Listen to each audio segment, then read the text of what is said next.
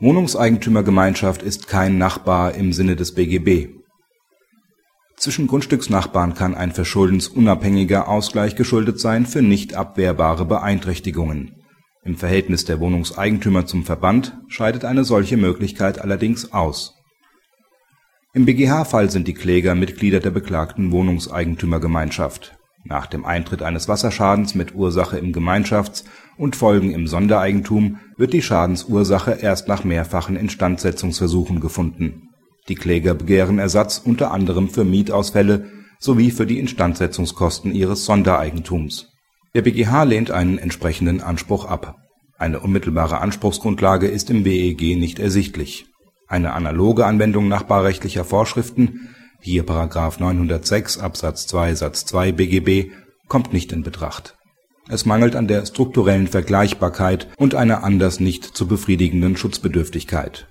Mit § 906 Abs. 2 Satz 2 BGB soll ein angemessener Ausgleich gegenläufiger Interessen bei Nutzung benachbarter Grundstücke geschaffen werden. Diese Voraussetzungen liegen bei Wohnungseigentümern nicht vor. Sie nutzen das Gemeinschaftseigentum nicht mit entgegenstehenden Interessen. Dessen Nutzung und Erhalt liegt nämlich im wohlverstandenen Interesse aller Gemeinschaftsmitglieder. Demzufolge kann die Beeinträchtigung eines Sondereigentums durch das Gemeinschaftseigentum auch nicht auf der Nutzung benachbarter Eigentumsrechte, sondern nur auf einen dort befindlichen Mangel zurückgeführt werden. Eine analoge Anwendung nachbarrechtlicher Bestimmungen scheidet zudem im Hinblick auf das einerseits zwischen den Wohnungseigentümern untereinander und andererseits zur Wohnungseigentümergemeinschaft besonders ausgestaltete Treueverhältnis aus.